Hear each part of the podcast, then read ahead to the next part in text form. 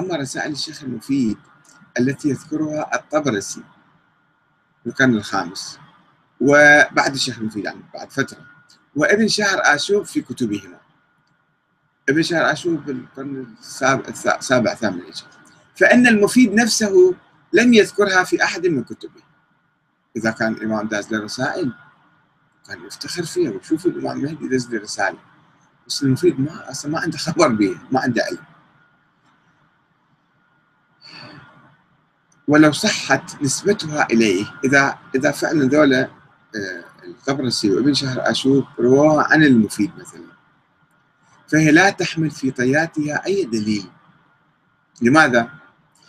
وذلك لأن المفيد يقول حسب الرواية يعني المفيد يقول الرواية أنه استلمها من رجل أعرابي لا يعرفه. يقول واحد دق عليه الباب رجل أعرابي وتسلمني هاي الرسالة طيب منو هذا الرجل الأعرابي ما أعرفه. زين. والرسالة بخط آه، بخط رجل غير المهدي. أيضا هو بالرسالة مكتوب أنه هذا واحد كتب الرسالة واحد مجهول. والرسالة بخط غير المهدي. يقول ذاك الرجل الكاتب الرسالة إنها من إملاء المهدي عليه. شوف شلون كم مجهول عندنا بالنص. وقد رفض المفيد أن يعرض على أحد التي أوصلها الأعرابي إليه على أحد من أصحابه. والمفيد مرتين أخذها وضمها بجيبه ما رأوا على أحد. وقال إن ذلك بأمر المهدي.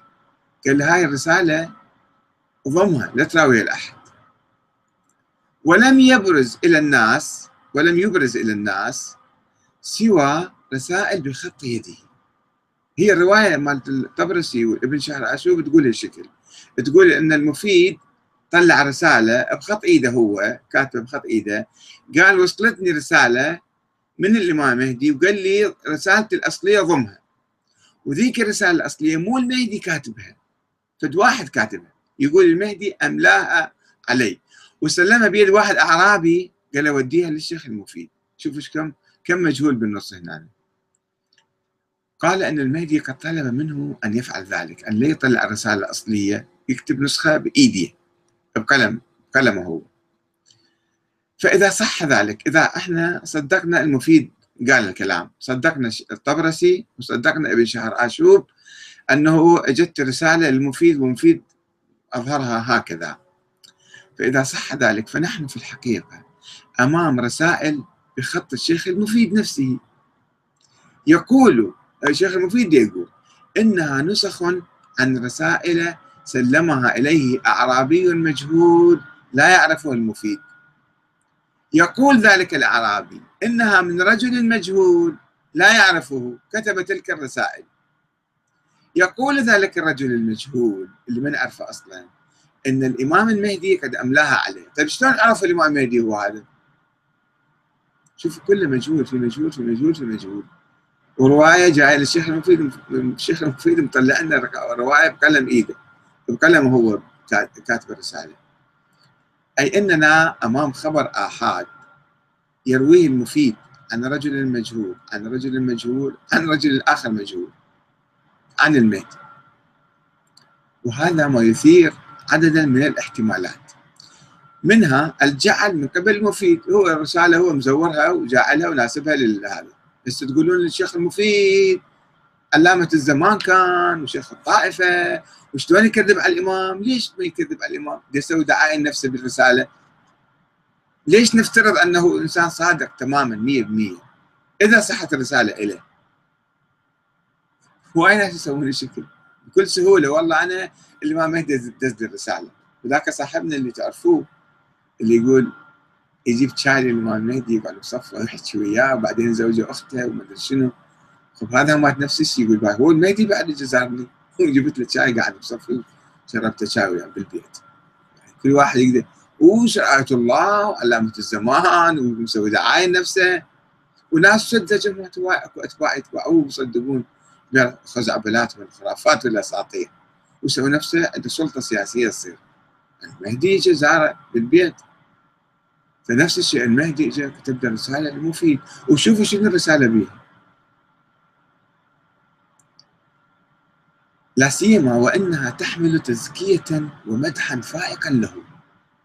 هاي الرساله جاية عن المهدي تحمل تزكية ومدح فائق للشيخ المفيد. ويقدم المهدي اسم المفيد في بعضها على اسمه. هي عدة رسائل طبعا. يقدم أول شيء خاطبة له بعدين يقول له أنا منو.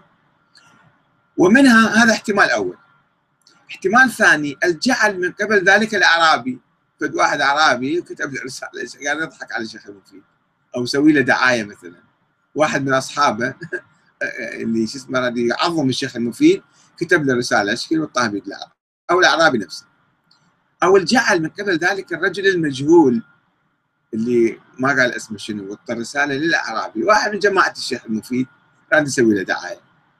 أو الجعل من قبل رجل ثالث كذب على الكاتب وقال أنه المهدي. اجى قال يا ترى أنا المهدي أرجوك اكتب لي هاي الرسالة. هو ما يعرف يكتب المهدي؟ هو كان كتب الفيديو. ليش يقول لواحد أنت اكتب؟ شو أسئلة طبيعية بديهية. تتبادر الذين أي إنسان. بس جماعتنا يمشون عليها بسرعة. أوه الشيخ المفيد تلقى رسائل من نوان المهدي؟ وهكذا رواية في منطق علم الدراية. غير قابلة للالتفات أصلا أو التوقف عندها قليلا أو كثيرا. روايه مضحكة عجيبة غريبة متهافتة ومتهاوية بالمرة وهي شكل شنو؟ أوه دليل على أن الإمام مهدي موجود؟ هو كتب رسالة للشيخ المفيد بعد. الآن عندنا مشكلة أخرى مشكلة التعرف على الخط. وأود هنا طبعا تعرفون الرسالة أنا ما ذكرت هنا يمكن الرسالة آه، فيها مال الشيخ المفيد فيها مدى عجيب غريب.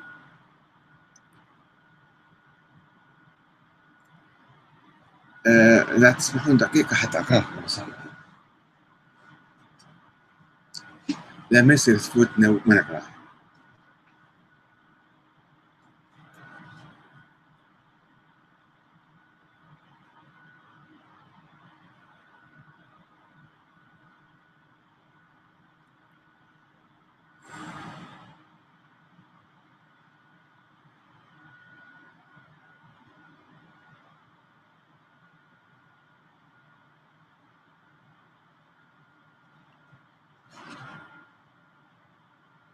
أن يكون ذاكرها في قسم سابق من الكتاب. ولذلك في أثناء التحقيق في هذه الرسائل لم أذكرها أذكرها الرسائل. وجيد نقرأ نشوف شنو الموجود في الرسالة نعم